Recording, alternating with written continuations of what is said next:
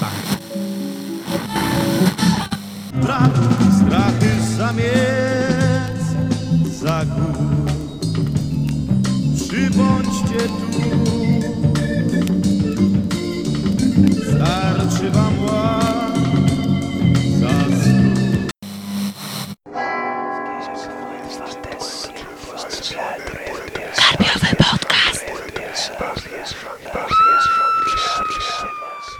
Cześć, z tej strony Paweł Mateja. Witam wszystkich w nowym odcinku Karpiowego Podcastu, w którym chciałem opowiedzieć Wam o jednej z moich pierwszych, najdłużej trwających i największych literackich fascynacji, a mianowicie o serii książek o panu samochodziku Zbigniewa Nienackiego. I zatrzymajcie się, jeśli mieliście zamiar w tej chwili wyłączyć ten odcinek, myśląc, że będzie to coś w stylu Boba budowniczego, że będę was zachęcał do czytania o strażaku Samie. To nie, nie, zupełnie idziemy w złą stronę.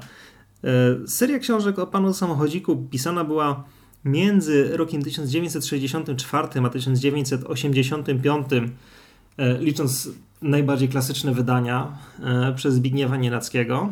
Jest to seria mm, przygód historyka sztuki, pracownika Departamentu Ochrony Zabytków Ministerstwa Kultury i Sztuki, który pracuje na stanowisku osoby do tzw. Tak specjalnych poruczeń. Do jego zadań należy w dużej mierze rozwiązywanie zagadek detektywistycznych i kryminalnych związanych z kradzieżami, przemytem czy fałszerstwami dzieł sztuki, a także z ich odnajdywaniem. Jest on swego rodzaju połączeniem komunistycznego, przepraszam, to takie będzie wydumane dosyć, ale myślę, że całkiem trafne porównanie. Jest, jest on takim połączeniem mm, Indiana Jonesa z Jamesem Bondem e, w realiach komunizmu i jednocześnie jest on takim, że to się nie łączy z poprzednim, ale jest on trochę życiowym przegrywem. Moja przygoda z książkami o panu samochodziku zaczęła się, kiedy byłem chyba w wieku nie wiem, późno podstawowym i na któreś urodziny dostałem od rodziców książkę Pan Samochodzik i Templariusze, w której, no jak można się spodziewać po tytule, Pan Samochodzik rozwiązywał zagadkę skarbu Templariuszy. O ile z początku już wtedy, mając te pewnie jakieś początkowe naście lat. Nieufnie bardzo podchodziłem do tego tytułu. Wiecie, dostałem książkę o panu samochodziku, no, taki e, początkujący nastolatek i myślę, Jezu, co, co oni mi kupili w ogóle? Będę czytał jakieś książki dla dzieci. Ale zostałem zachęcony, przeczytałem i wciągnąłem się na maksa i przez wiele lat w zasadzie do tej pory regularnie wracam do książek pisanych w tej serii przez Zbigniewa Nienackiego i absolutnie jestem w stanie wracać co najmniej raz rocznie, tak co najmniej do któregoś z tomów. Miałem może w pewnym wieku jakąś krótszą przerwę, w tej chwili wracam do, do nich namiętnie i nie ma dla mnie znaczenia to, że znam doskonale fabuły, że wiem w którym miejscu wydarzy się jaka rzecz, bo po prostu uwielbiam te książki i samo wracanie do nich sprawia mi ogromną przyjemność. Książki to od dobrych kilku lat są takim moim literackim comfort foodem. Czymś, do czego po prostu wracam, kiedy jest mi, nie wiem, w jakiś sposób ciężko, kiedy mam jakiś bardziej stresujący, obciążony pracą okres i często w takich sytuacjach nie potrafię się skupić na, nie wiem, na czytaniu jakiegoś ciężkiego, ponurego horroru, albo nie wiem, jakiejś, jakiejś literatury poważnej i w takich momentach potrzebuję jakiejś takiej lekkiej, przyjemnej, wciągającej rozrywki, która będzie mi sprawiała dużą przyjemność, niezależnie od tego, ile razy już wcześniej po nią sięgałem. Innymi takimi tytułami, które tak na mnie działają, są książki innego autora młodzieżowego, e, Niziurskiego, którego uważam za jednego z najwybitniejszych literatów Polski i w ogóle świata, a także na przykład Harry Potter albo Władca Pierścieni. No, są to książki, które wiecie, no, czytałem już jako nastolatek i mam, znaczy raz, że uważam, że to wszystko świetna literatura, ale po prostu wracanie do nich to trochę takie wracanie do takich bezpiecznych dla mnie czasów. Niemniej postanowiłem opowiedzieć wam dzisiaj co nieco o panu samochodziku, bo myślę, że szczególnie patrząc na to, że mamy czerwiec, gorący czerwiec, rozpoczyna się sezon urlopowy, myślę, że może uda mi się kogoś z was zachęcić kto być może serii nie zna, być może czytał ją właśnie jako dzieciak i o niej zapomniał, do sięgnięcia po nią po raz kolejny, być może po wielu latach, a być może po raz pierwszy. Niezależnie od tego, dlatego że uważam, że niezależnie od tego, czy macie 10, 15, 20, 40, 60 lat, te książki są dla Was. Jeszcze chciałbym uzupełnić. E, pewną informację, bo uważam, że jest ona dosyć istotna i chciałem się tutaj z pewnych rzeczy też wytłumaczyć. Podstawowa seria książek o panu samochodziku, napisanych przez Zbigniewa Nienackiego, to jest 12 tomów, plus trzy tomy, które początkowo, które zostały napisane jeszcze przed serią, które de facto nie opowiadały o panu samochodziku, ale z czasem zostały przez autora przeredagowane i włączone w serię. Mm, opowiadają one o jego przygodach jeszcze jako dziennikarza, takiego świeżo po studiach czy studenta, ale pewnie wielu z Was dobrze zna tę serię, dlatego że jest ona jedną z najpopularniejszych, jak sądzę, e, serii w polskiej literaturze młodzieżowej. I po śmierci, czy, czy w zasadzie w ogóle po odpuszczeniu przez e, Zbigniewa Nienackiego pisania kolejnych tomów, seria została przejęta przez e, kolejnych autorów. I w tej chwili, do tej pory, to jeszcze, jeszcze raz, ostatni tom, a więc Pan Samochodzik i Człowiek z UFO, Zbigniew Nienacki napisał w 1985 roku. Natomiast ostatnia przynajmniej z tych wypisanych na Wikipedii książek o Panu Samochodziku, wiecie z którego roku pochodzi? Z 2018. Do tej pory, mm, poza e, Zbigniewem Nienackim, książki e, na temat pana samochodzika, czy, czy włączone w serię o panu samochodziku, pisało 18 innych autorów i powstało do tej pory 132 tomy książek poza tą klasyczną serią. I od razu właśnie chciałem się tutaj przyznać do jednej rzeczy. Ja ani jednej z tych późniejszych książek nie czytałem. Dlaczego? Po pierwsze dlatego, że jako jakoś nastolatek nie miałem okazji chyba po nie sięgnąć. Nie były one w zasięgu mojej biblioteki. Ale generalnie do tej pory nie czuję się przekonany do czytania przygód pana samochodzika pisanych przez innych autorów. Szczególnie, że z tego co czytałem na Wikipedii, tam dosyć duże zmiany zostały przez kolejnych autorów poczynione i w zasadzie jest to tak troszkę po prostu na, na prawach franczyzy już dosyć swobodnie traktowane. Mnie to nie przekonuje, wiecie, to, to jest tak jak wcześniej mówiłem, to jest taki mój comfort food. I ja nie potrzebuję nawet szczególnego rozwijania sobie tego, powiedzmy w cudzysłowie, uniwersum. Ja potrzebuję wracania do tych już klasycznych historii, które są doskonałe i nie wiem, no może, może kiedyś się skuszę do sprawdzenia jakichś kolejnych tomów, e, zwłaszcza, że to też taka ciekawostka, dobrych kilka z nich e, napisał Andrzej Pilipiuk pod pseudonimem. No to ja wiem, że to nie jest może jakaś wielka dla wielu z Was zachęta, ale to chciałem podkreślić. E, znaczy, to chciałem tylko rzucić jako ciekawostkę. To w zasadzie chyba jeden z niewielu znany, znanych pisarzy, którzy w serię się włączyli. Być może jeśli miałbym się za któryś brać, to rzeczywiście spróbowałbym to od Pili Piłka, bo jakoś nie wiem, mam też odrobinę sympatii do tego autora. To jest taka dosyć stara już i dawno nietestowana sympatia, ale jakoś może na jej prawach bym to był w stanie dalej pociągnąć. Myślę, że warto w tym momencie wytłumaczyć, o co w ogóle chodzi z tytułowym samochodem. Szczegółowo jest opisane w pierwszym tomie serii w Wyspie Złoczyńców i nie będę tutaj teraz szeroko się, szeroko tego opisywał, ale to w kilku słowach. Pan samochodzik, a właściwie Tomasz NN, otrzymał pewnego razu pan Tomasz otrzymał od swojego stryja bardzo niezwykły samochód. Niezwykły pod kilkoma względami. Po pierwsze, samochód ten był niezwykle brzydki, po drugie, był niezwykle rozbudowany o różne interesujące funkcje, a po trzecie, miał niezwykłe pochodzenie. I zacznę od tego trzeciego.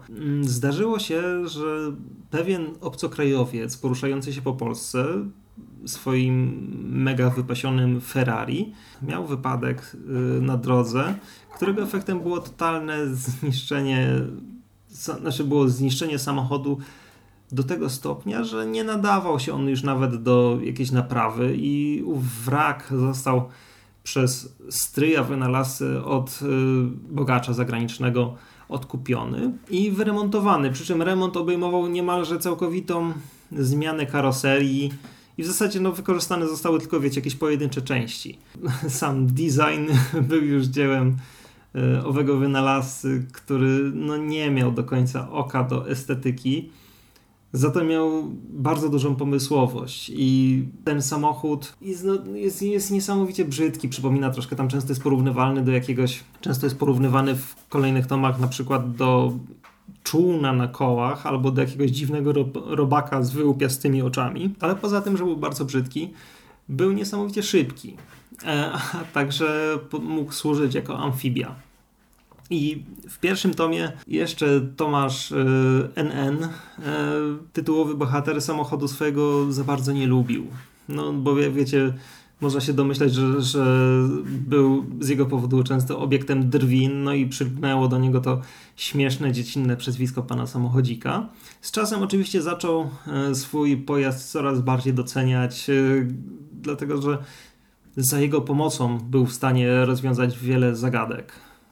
Czy, czy, czy w zasadzie samochód po prostu służył mu jako taka świetna pomoc, która przy okazji dawała mu dużą przewagę z zaskoczenia, dlatego że nikt nie traktował tego samochodu serio. Okazywało się, że potrafi on rozwinąć prędkość na przykład ponad 200 km na godzinę, a przypominam, że są to książki dziejące się za komuny w Polsce w latach 70., 80., 90. jeszcze. Przyznam się Wam, co w ogóle skłoniło mnie do tego, żeby opowiedzieć o panu samochodziku. Nie jest to, jak możecie, jak pewnie się ze mną zgodzicie, że nie jest to zbyt oczywisty wybór.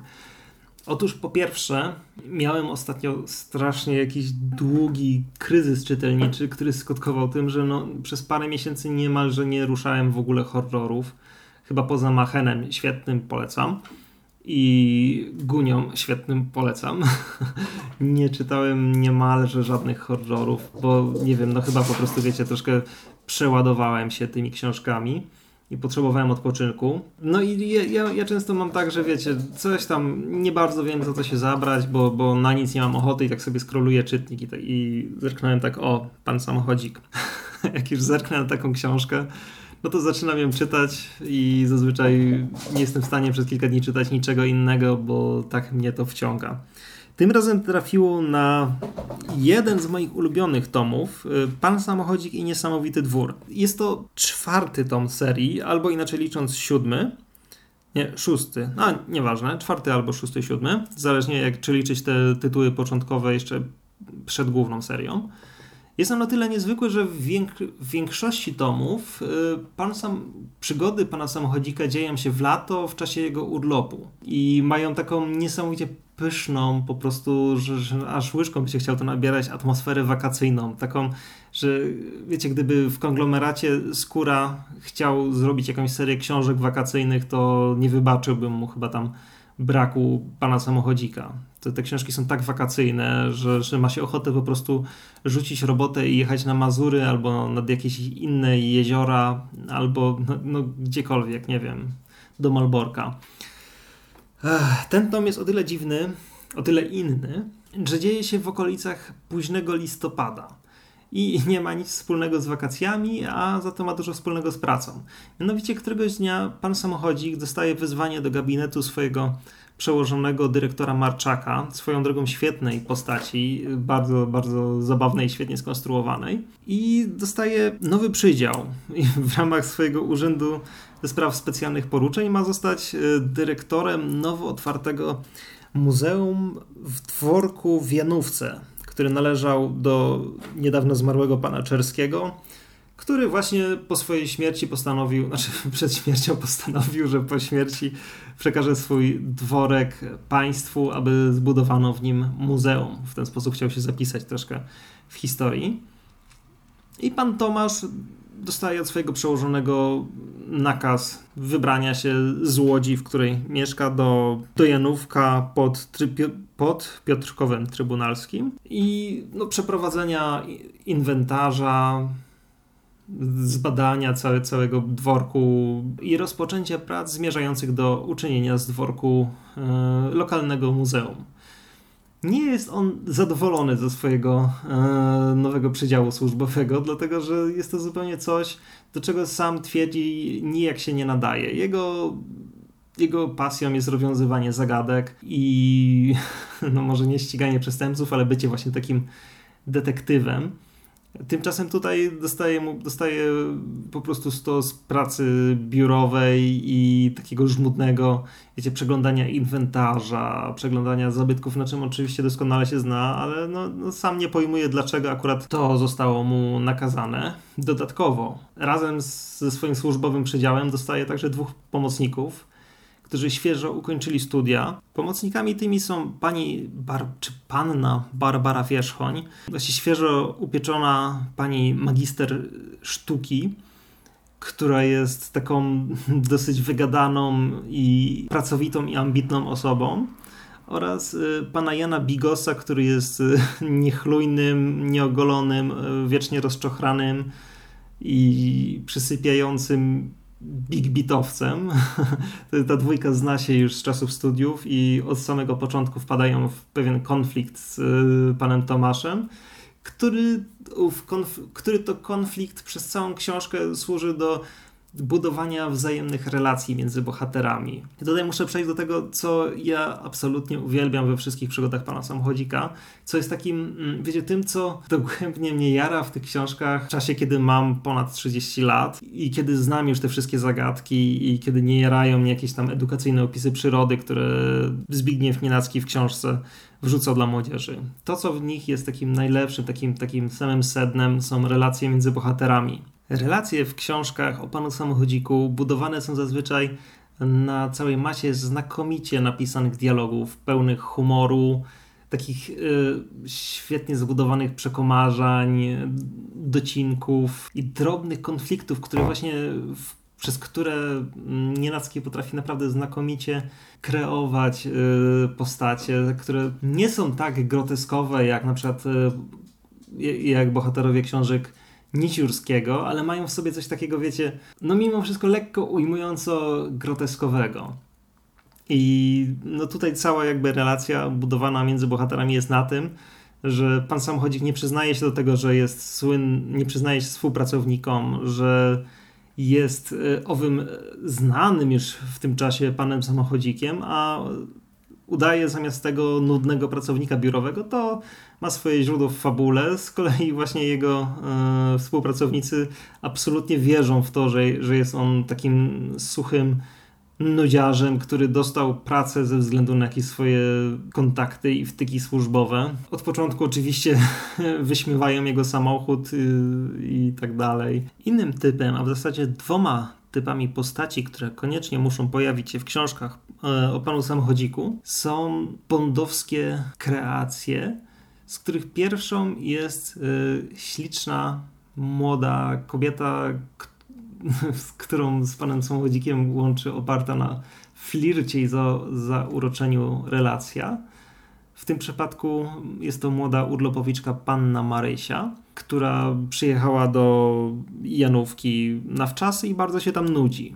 I słuchajcie, jeśli kiedyś powstanie jakiś nowy serial o panu samochodziku, a mam nadzieję, że się to zdarzy, dlatego że wiecie, w erze seriali ja uważam, że, że jak najbardziej jedną z takich rzeczy, które powinno się stworzyć w Polsce, jest po pierwsze serial na podstawie na przykład niewiarygodnych przygód Marka Piegusa, e, nie Niziurskiego, ale to, to może innym razem się gdzieś tam o tym będę bardziej wypowiadał ale też uważam, że totalnie powinien powstać serial o panu samochodziku. Taki bardzo wiernie zbudowany, z oczywiście jakimiś przejściami między kolejnymi his historiami, ale wiernie i dokładnie oddający ten komunistyczny klimat, który w tej chwili, wiecie, w, na przykład reżyserii Komasy mógłby wyjść na, naprawdę fenomenalnie mamy teraz myślę już takie czasy, że jesteśmy odrobinkę zdystansowani do tego wszystkiego, co się wtedy działo i bylibyśmy w stanie my jako, nie wiem, nie wiem, jako jakaś kultura i społeczność fanowska doskonale przyjąć coś, co wyciągałoby z komuny cały taki, wiecie, fan faktor.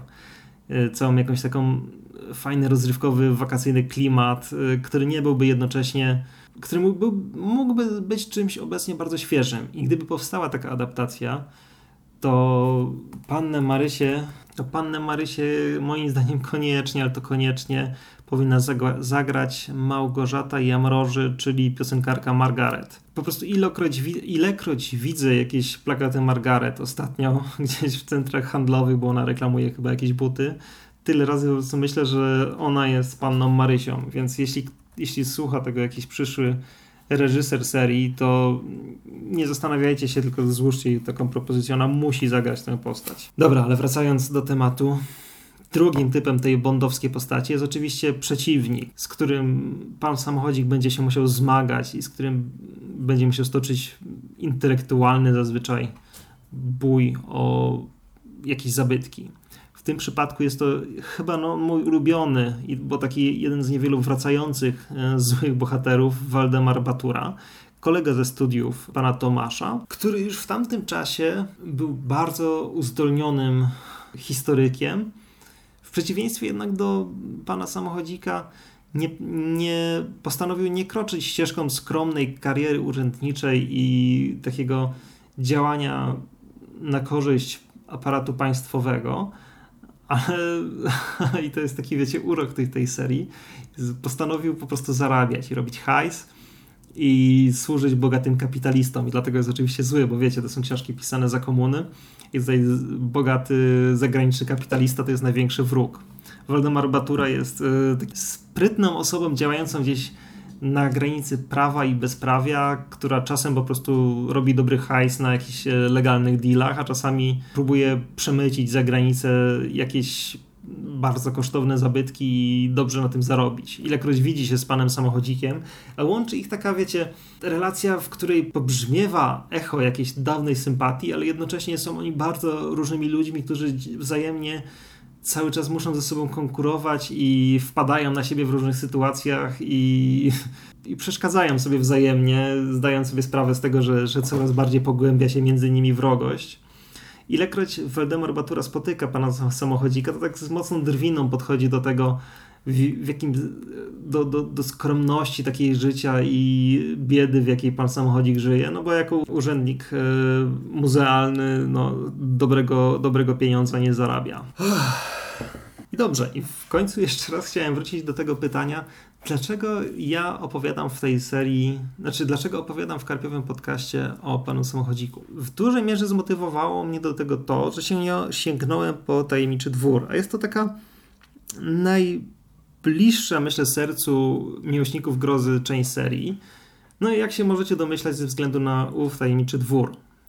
Mianowicie mamy tutaj napęczki takiego naprawdę bardzo świadomie czytelnikowi podanego klimatu z pogranicza mm, literatury gotyckiej i modernistycznej.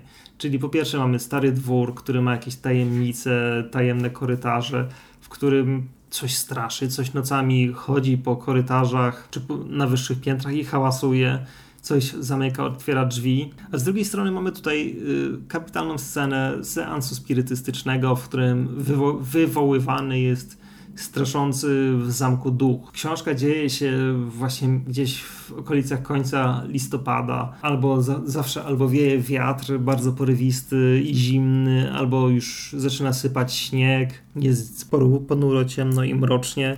I klimat jest taki, ja znowu tutaj muszę użyć troszkę nadmiernego i cudacznego, ale myślę, porównania, ale myślę, że chwycicie o co mi chodzi. Mianowicie klimat jest tutaj troszkę taki w stylu Scooby-Doo.